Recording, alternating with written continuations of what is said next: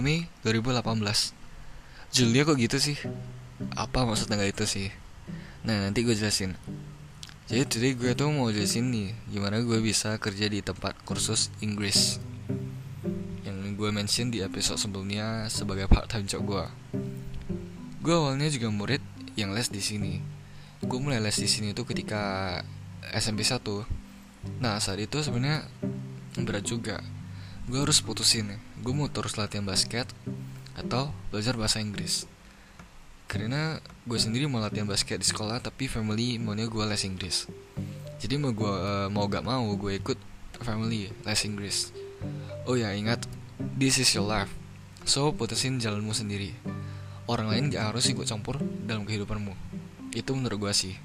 Tapi pada saat itu gue lebih dengerin kata orang atau kata family gue gue ada alasan kenapa ikutin jalan uh, kata hati.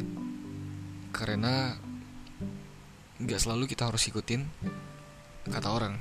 Gue bisa jelasin why di episode episode selanjutnya ketika kita uh, membahas tentang perkuliahan gue itu dulu. Nah jadi singkat cerita gue datang ke les tersebut untuk mendaftar. Ternyata gak langsung masuk gue harus dites dulu sama guru di sana. Apakah gue cocok gak uh, belajar sesuai dengan level gue gue pada saat itu kan SMP 1 jadi gue harus tes apakah gue layak gak belajar buku SMP 1 buku bahasa Inggris versi kursus les Inggris tersebut. Nah gue dites sama Seadi di sana pada saat itu. Di sini lesnya bukan hanya ajarin buku dari kursus uh, kursus saja sih tapi juga ada pelajaran sekolah juga kok. Awal gue les kelasnya itu mid levelnya. Ya berarti ada ada dari SMA SMP dan sebagainya. Dan sekolahnya tuh beda-beda gak semua satu sekolah. Dan uh, ada cerita juga sih gue pernah dapat pacar ketika gue SMP 1 atau SMP 2 gue lupa. Karena rekomend dari classmate gue di les. Les ini les Inggris ini. Namanya bucin zaman dahulu ya zaman dulu. PDKT ini cuma tiga hari. Jadian satu bulan lalu putus. Ya namanya bucin zaman dulu lah anak-anak SMP dulu. So guru pertama yang ngajar gue tuh namanya Miss Jane. Miss Jane adalah anak kuliahannya yang part time jadi guru pada saat itu dan sekarang beliau sudah kerja di salah satu PT besar di Indonesia sebagai HRD Human Research Development. Miss Jen ini good at teaching dan care terhadap muridnya. Nah, gue juga pernah dikasih kamus Oxford English sama Miss Jen Karena gue memberanikan diri untuk ikut speech competition di les.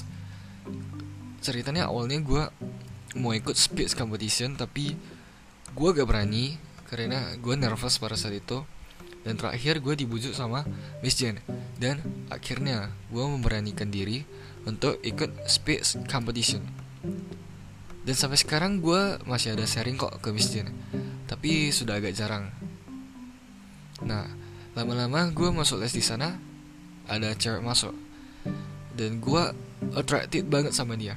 Really kayak first impression wow lu juga les di sini gitu karena cewek ini uh, lumayan famous di sekolah gue lumayan terkenal. Karena kecantikannya. Namanya tuh Vanessa. Nah gue berusaha modusin dia. Segala cara dari chat sebagainya tapi tetap aja dia salah seorang wanita yang sulit dikejar. Walaupun sekarang dia udah punya pacar. Dan gue gua ragu sih cara pacarnya gimana dapetin dia.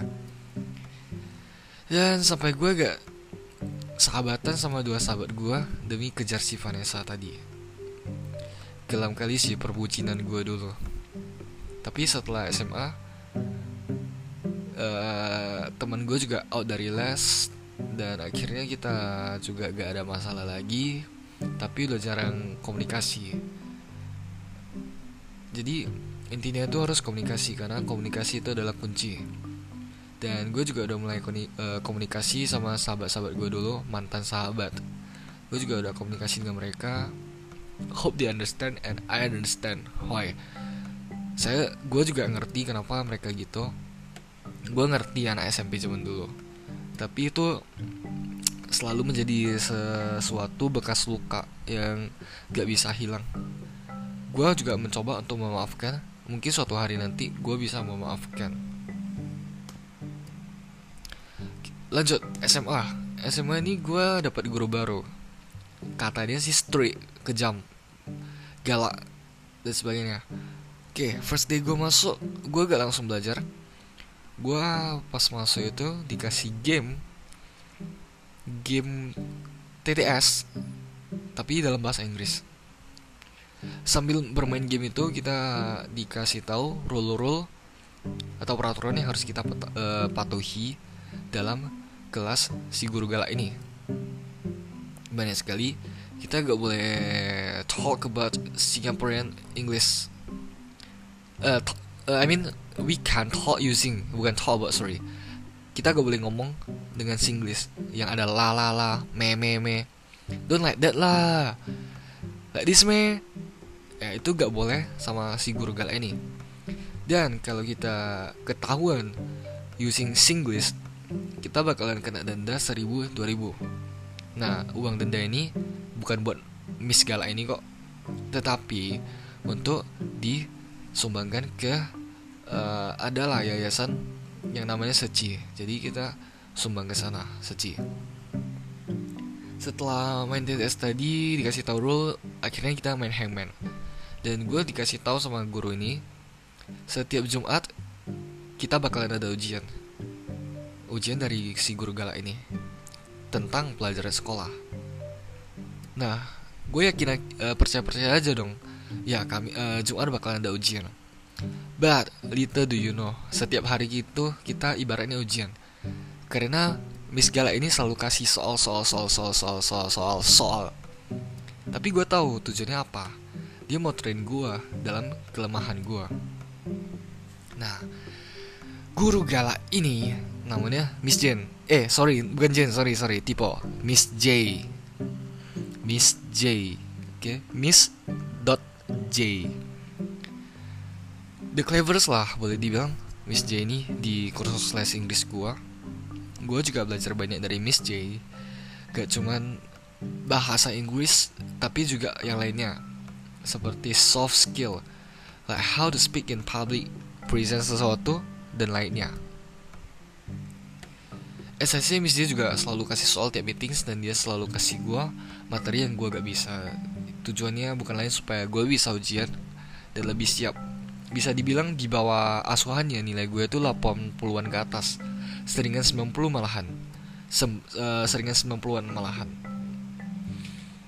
Seiringnya waktu gue udah SMA 2 aja dan kakak kelas gue di kelas kursus Inggris ini udah SMA 3 karena pas SMA pas gue masuk gue SMA 1 diajarin Miss J ada kakak kelas SMA 2 dan SMA 3 lalu yang SMA 3 tamat gue SMA 2 yang SMA 2 ke SMA 3 dan yang SMA 2 di kelas sisa gue sama Vanessa. Banyak murid yang keluar masuk kelas gue oh ya Miss J ini full time jobnya itu kerja di bank sebagai HRD kalau gak salah. Dan kadang dia tuh gak datang. Jadi gue juga diinvolve sama guru lain. Nah ada yang gue salut sama Miss J. Walaupun dia kerja full time di dia juga part time job sebagai guru. Karena awalnya dia juga ngajar dari part time job baru dia uh, kerja di bank. Awalnya juga seperti Miss Jen anak kuliahan yang part time jobnya itu sebagai guru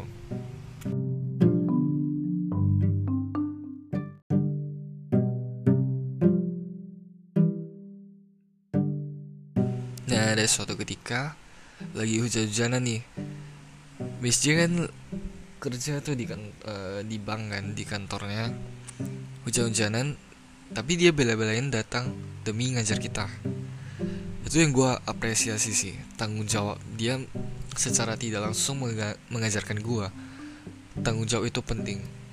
Nah balik lagi ke infal gue tadi di infal sama guru yang tes gue pas gue mau masuk di sini pas gue mau daftar yaitu Ser Adi tadi um, kalau Saadi ini dia lebih ke entertain sih dan tell motivational story. Nah, bagi kalian pemain Mobile Legend, I let you know, Saadi ini adalah founder dari at Mobile Legend Forum. Dan sekarang dia lagi perluas bidang bisnisnya. Uh, beliau juga panutan sih. Dan gue pernah mau kerja sama bisnis baru sama dia. Cuman ya teman gue gak komit dalam kerja sama ini dan malah gue malu sih ke Seradi. Gak cuma Seradi yang infal gue, ada juga Miss Charlie gue sebenarnya jarang sekali masuk kelas Miss Charlie cuman beberapa kali satu dua tiga kali. Cuman misalnya memang guru yang pintang uh, pintar maksud gue sering cerita cerita sambil belajar. Sekarang Miss Charlie udah jadi guru di salah satu sekolah di, di kota asal gue dan not bad lah karena Miss Charlie memang guru yang sangat pintar uh, sangat know how to control the ambience inside the class. Dia tahu gimana kontrol suasana dalam kelas. Last ada Miss Lenny, guru yang selalu menekankan British accent. Gue sebenarnya gak gitu suka British accent, tetapi uh, Miss Lenny mengajarkan British accent dan mau gak mau gue harus belajar dan lama kelamaan gue terbiasa. Gue sama Miss Lenny itu cuma gak sering lah. Cuman British accent yang diajarkan beliau tuh selalu ada di pikiran gue ngomong-ngomong soal British accent guru sekolah gue juga menekankan tentang British accent. Sayangnya uh, penekanan, penekanan tentang British accent ini gue dapat ketika gue SMA 3 nah guru SMA 1 SMA 2 itu lebih ke American English itu aja sih lima guru yang buat gue banget di kursus les Inggris Oh iya, masih ada satu lagi. Namanya Miss Meta. Nah, beliau ini adalah founder dari les kursus ini. So, pernah sekali, mungkin karena beliau frustasi ya. Jadi rumah Miss Meta itu dan les uh, les gue tuh tetanggaan. Jadi ibarat uh, kalian imajinasikanlah dua rumah besar, ya digabungin jadi satu. Nah, tempat les gue pada saat itu udah full. Jadi kelas gue dan ada satu kelas lainnya belajar di rumahnya jadi gue paling ingat gue sama teman gue tuh nama yang namanya Andrian ya kita rusakin gordennya Miss Meta di depan Miss Meta pula dan kita selalu ketawa kalau keinget atau lihat gorden itu ketawanya tuh bisa sampai pulang loh beneran. Karena cara ketawa Andrian ini mengundang tawa. Kebayang gak sih teman kalian yang kalau ketawa kalian bisa ke uh, ikutan ketawa gitu? Nah lanjut ke frustasi. Jadi banyak yang nilainya merah nih awal-awal masuk les di sini. Jadi Miss Meta kasih kita satu goal. Kita harus buat nilai kita lulus. Kalau kita lulus kita ditraktir KFC nah karena KFC itulah kita dalam satu ruangan itu komit. Kita mau achieve that. Nah dan pada akhirnya gak ada yang merah nilainya semua lulus. Dan kita makan KFC bareng. Guru gue juga dapat kok. Tenang aja karena Miss Meta orangnya fair dan tepat janji by the way gue bukan end, uh, endorse KFC nah itu singkatnya. Nah now gue cerita how gue bisa kerja di sini. Les gue ini ada yang namanya speaking test. Kita wajib ikut ujian ini dan saya tuh gue ujian yang topiknya tentang diet. Kebetulan yang kasih nilai itu staff bukan guru. Karena ada peraturannya bulan ini yang ujian ujiankan gue itu guru gue sendiri bulan depan staff bulan depannya lagi guru gue bulan depannya lagi staff nah kebetulan topik diet ini gue dapatnya uh, diujiankan sama staff saat gue mau speaking test Ternyata ada Miss Meta di dalam kantor, ya pemilik dari kursus Inggris ini. Dan gue ujiannya dengan Miss Meta karena padahal gue ada antri sama staff lain, tetapi gue ditarik sama Miss Meta. Setelah gue present tentang diet tadi, Miss Meta bilang ke gue, If you have time, find me tadi. Gue gua kaget sih, kenapa? Kenapa lagi gue nih salah apa lagi nih?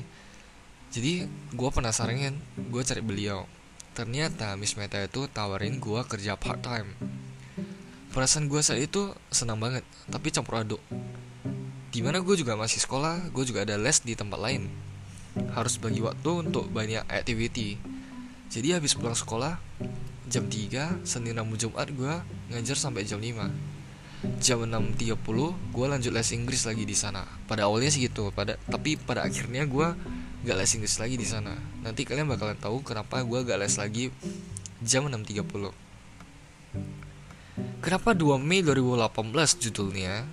Nah ini jawabannya. Itu hari pertama gue kerja sebagai part time di sini. Nah jadi di hari pertama gue tuh 2 Mei 2018 berder, uh, berdekatan dengan akhir semester yang sisa dua bulan lagi. Mei dan Juni. Gua masuk kelas Miss, Len, uh, Miss Henny. Miss Henny bilang ke gua Ngapain lu masuk kelas gua?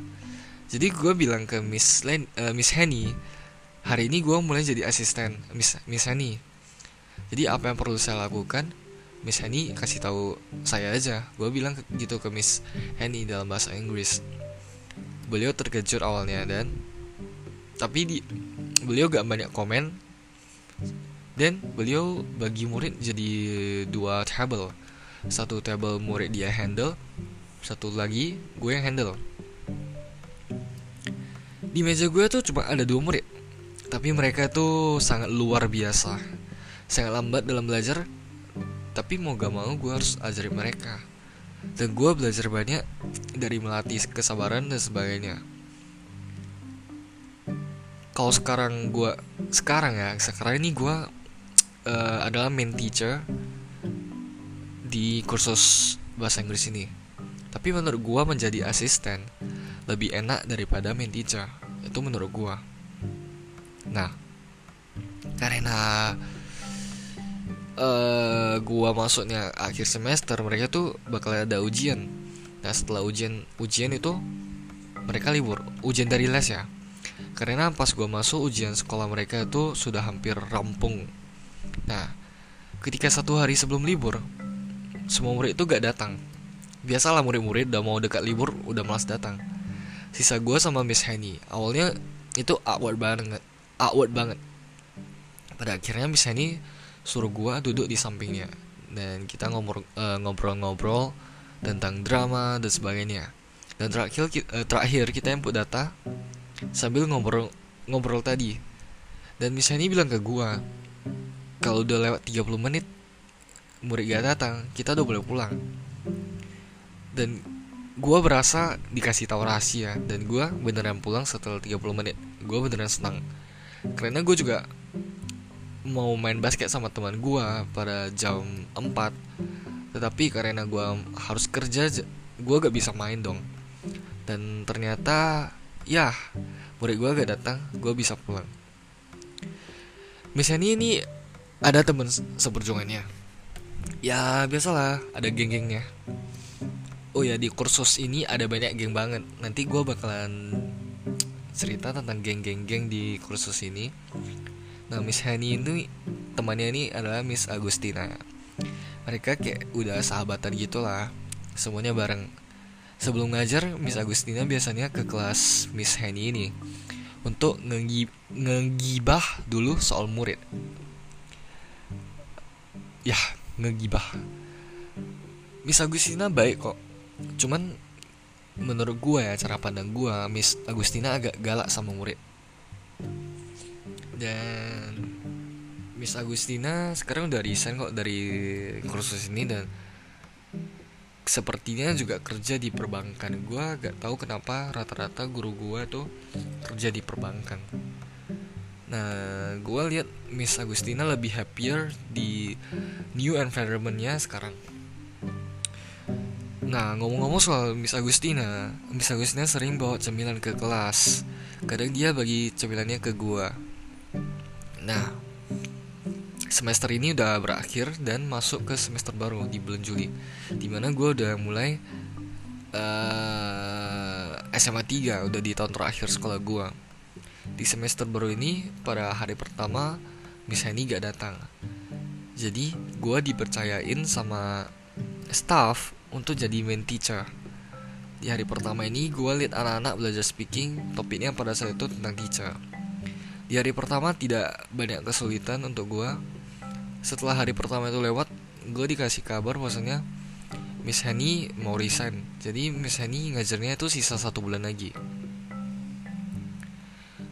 Dalam gimana ya dalam dua bulan terakhir gue partneran sama Miss Henny gue beneran dapat pengalaman banyak sekali. Karena tidak seperti ekspektasi gue main teacher bakal bakal kasar kepada asisten dan sebagainya.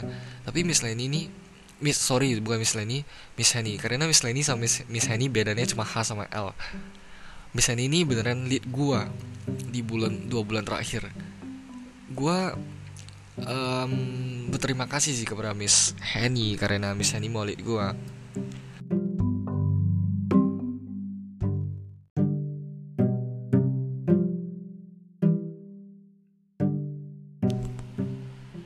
gue juga mencoba untuk lihat asisten gue seperti yang Miss Henny lakukan ke gue cuman asisten gue masih agak susah untuk menerima uh, lead dari gue so setelah satu bulan itu mereka masih belum dapat pengganti dari Miss Henny. Alhasil kelas ini diinfo sama Miss Shirley yang tadi ngajar gue dan gue jadi asisten Miss Shirley juga learn a lot walaupun cuma satu dua hari karena tipe satu-satu guru itu berbeda. Dan gue gak lagi di kelas itu karena gue disuruh bantu kelas lain the next day but the next day gue ditanya lagi sama bos gue Miss Meta. Gue mau take primary 2 gak? Sekolah X dan gue pada saat itu mengiyakan aja.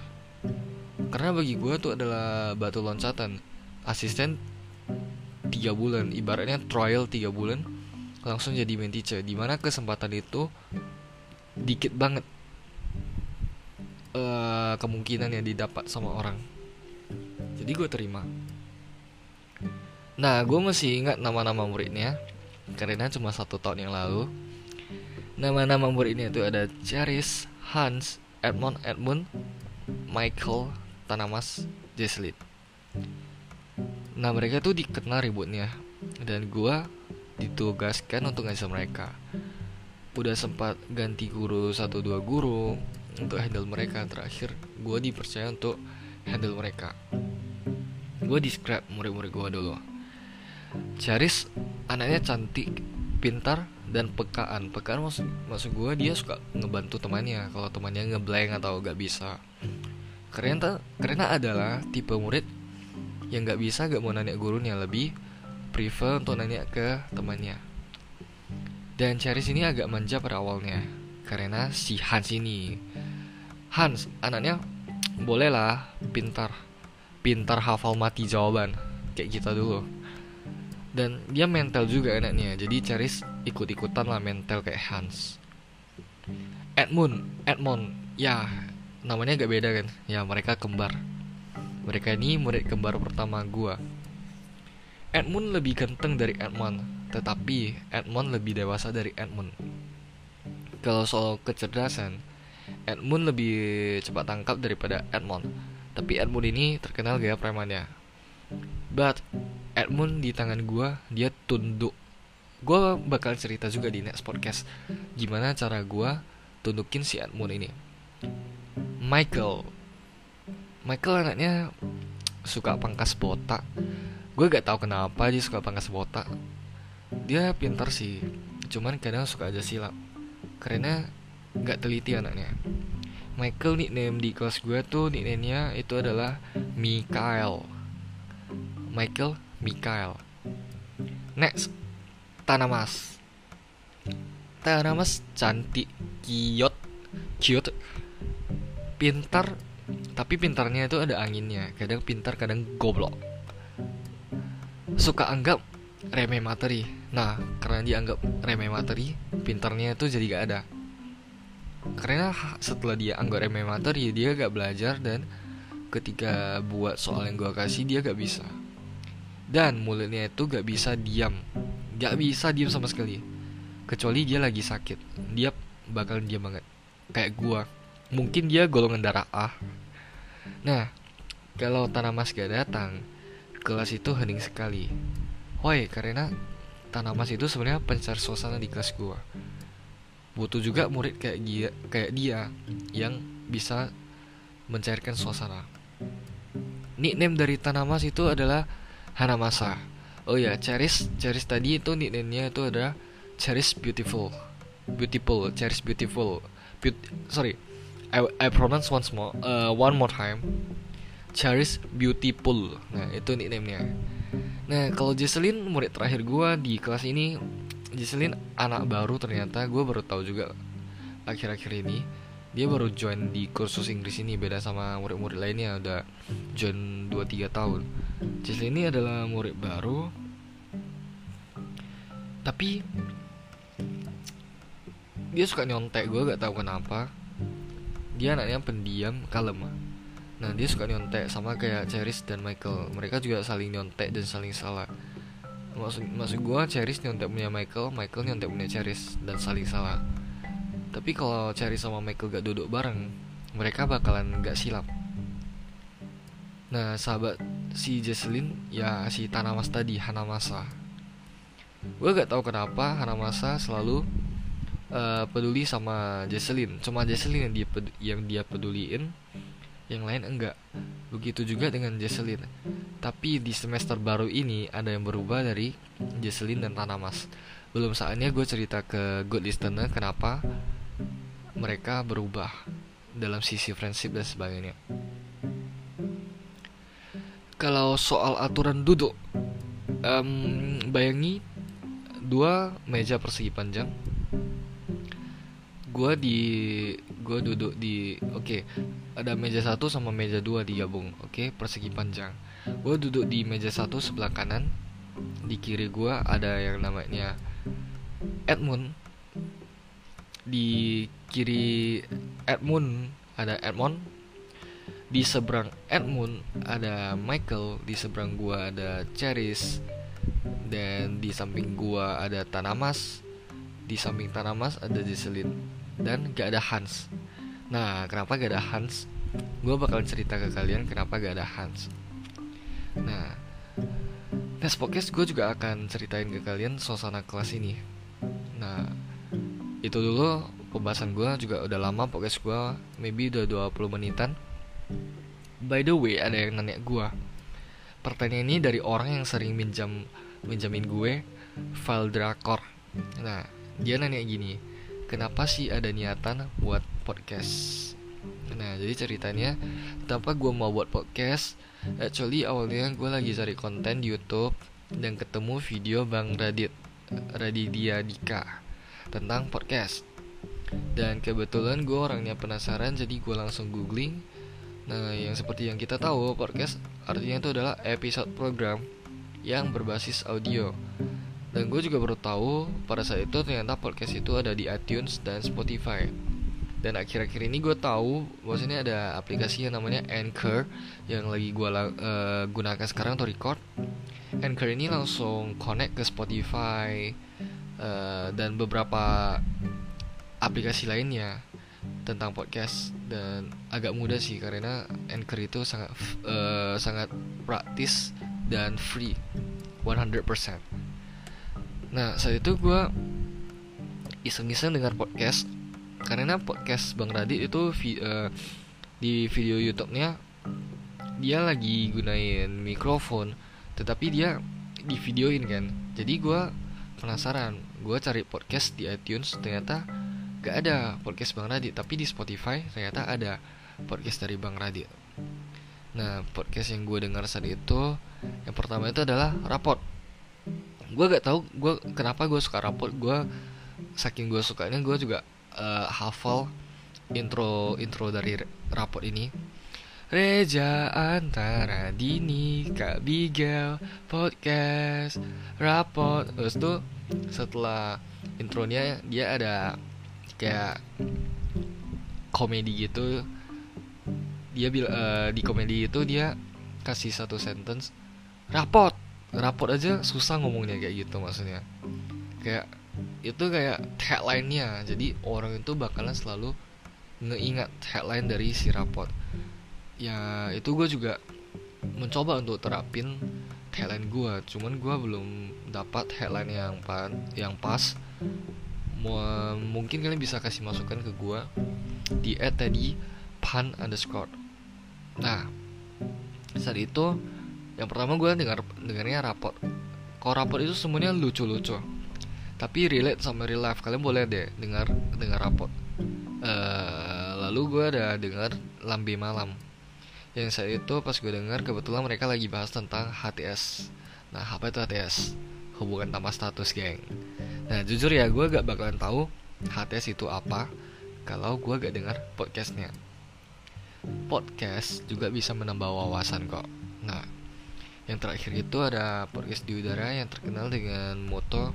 Mereka yaitu communication is key. Komunikasi adalah kunci yang gue mention di awal. Uh, kenapa gue sama mantan sahabat gue itu gak dekat lagi? Karena kurangnya komunikasi.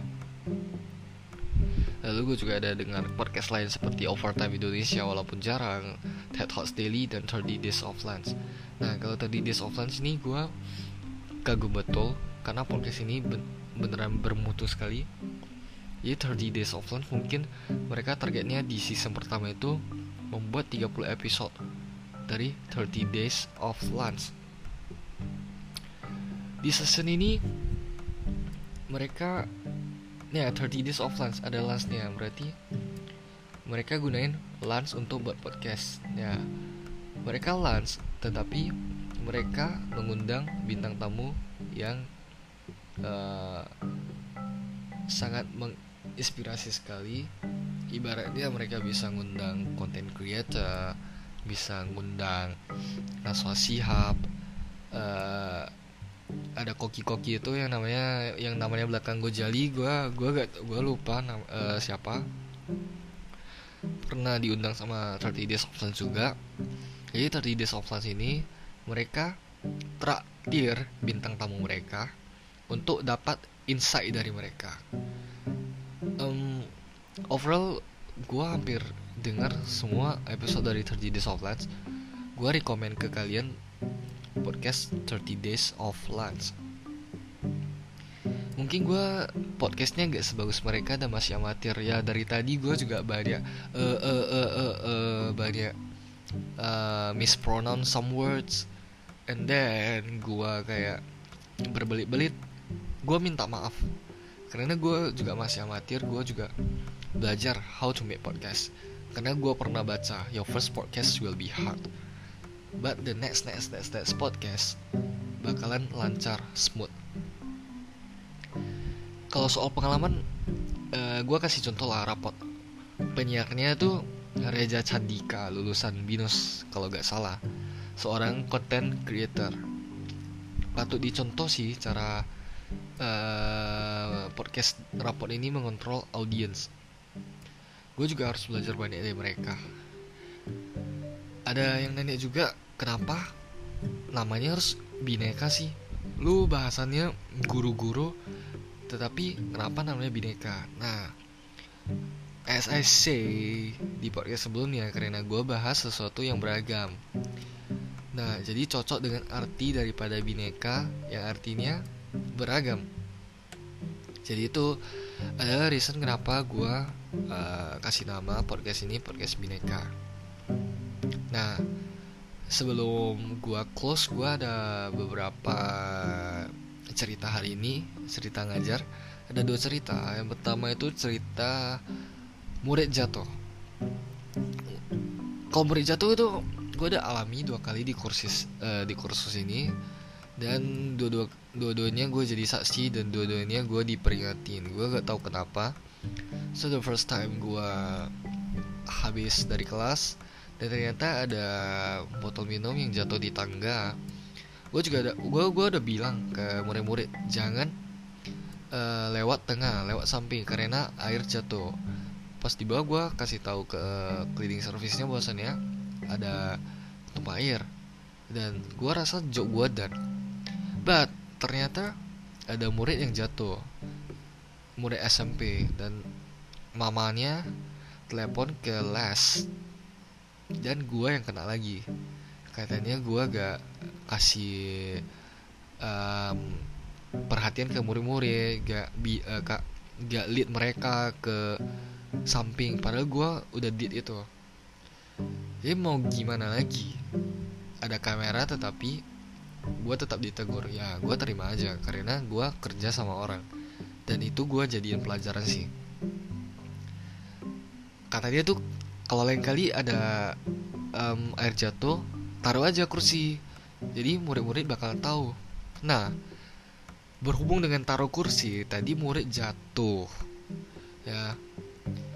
Jadi ada air tumpah dan si murid merasa gak bersalah langsung lari-lari aja. Gua udah taruh kursi seperti instruksi. Dan gue udah lihat murid jangan lewat situ lewat sini.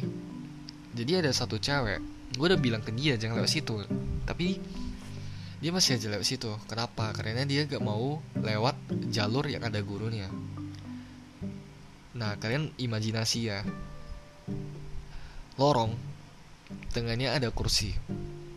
Terbagi dua kan jalannya nah gue berdiri di tempat yang kering sedangkan satu sisi lagi itu basah. Karena si murid tadi mau menghindar jalur gua dan gak mau dengar apa yang gua bilang jangan lewat situ. Dia lewat situ dan terlentang dan dia tak nangis. Wajar ya anak SD jatuh uh, mau nangis cewek lagi. Dan gue bilang are you okay?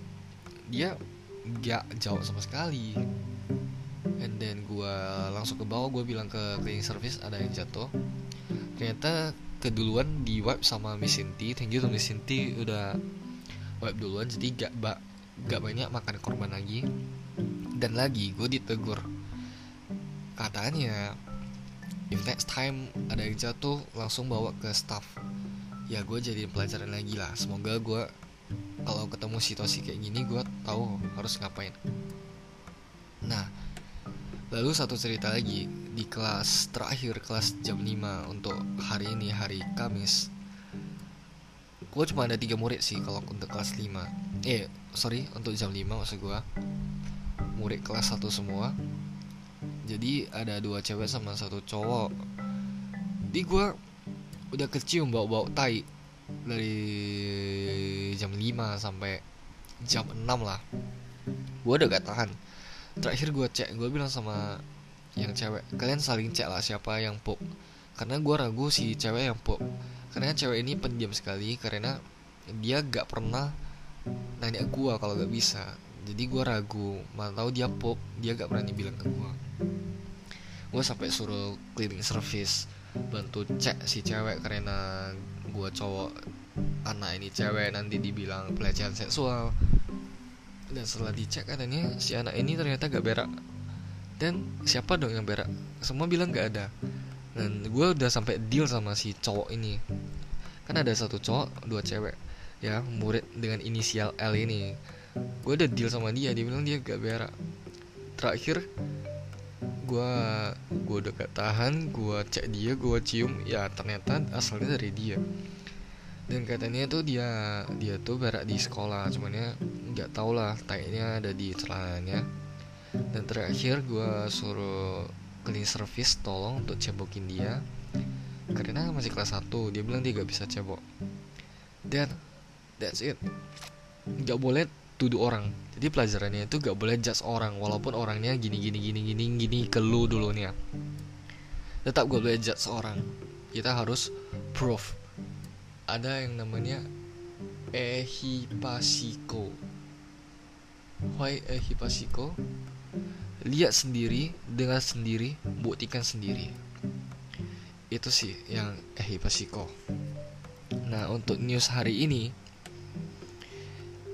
pebulu tangkis The Minions Kevin Sanjaya diaktif diaktif Instagramnya. Nah kenapa? Kalau bukan lagi hujatan dari masyarakat plus 62 62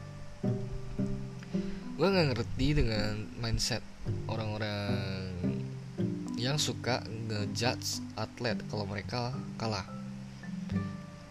Kalau bagi gue atlet kalah kita harus kasih uh, motivasi dan sebagainya karena mereka mengharumkan nama bangsa. Apalagi ini cabang olahraga ini tuh badminton yang selalu mengharumkan nama bangsa kita Indonesia Nah, jadi Kevin Sanjaya ini memang peringkat nomor satu di ganda putra sama Marcus Ginaldi Videon. Dari 2015 mereka itu juga udah booming banget. Mereka salah satu idola gua. Eh, selain Jonathan Christie, Anthony Sinisuka Ginting, Gregoria Mariska, uh, Asan Hendra, uh, ada lagi Lee Chong Wei gitu, Momota, Tai Suing. Selain dari mereka lah, Kevin Sanjaya ini salah satu kebanggaan gua.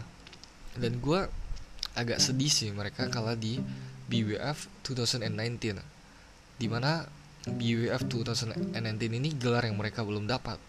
Dan next gak akan ada BWF 2020 karena bakalan ada Olimpiade.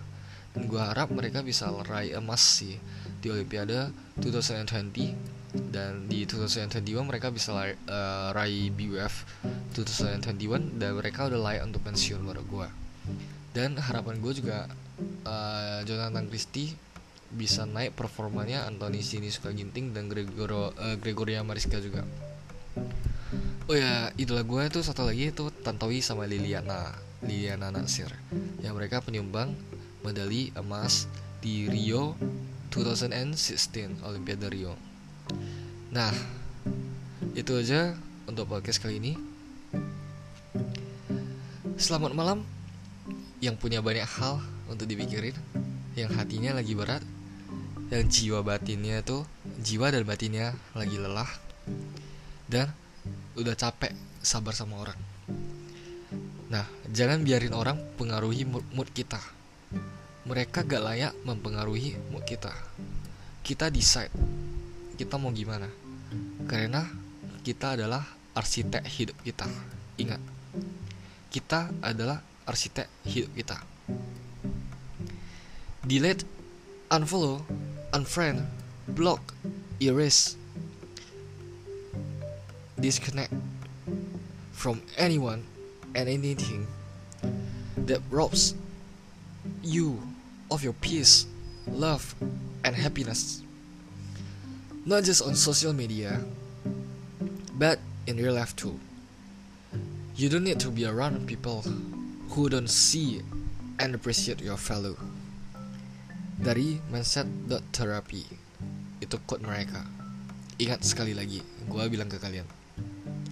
Jangan biarin orang pengaruhi mood kita karena mereka gak layak mempengaruhi mood kita karena kita adalah arsitek hidup kita sendiri.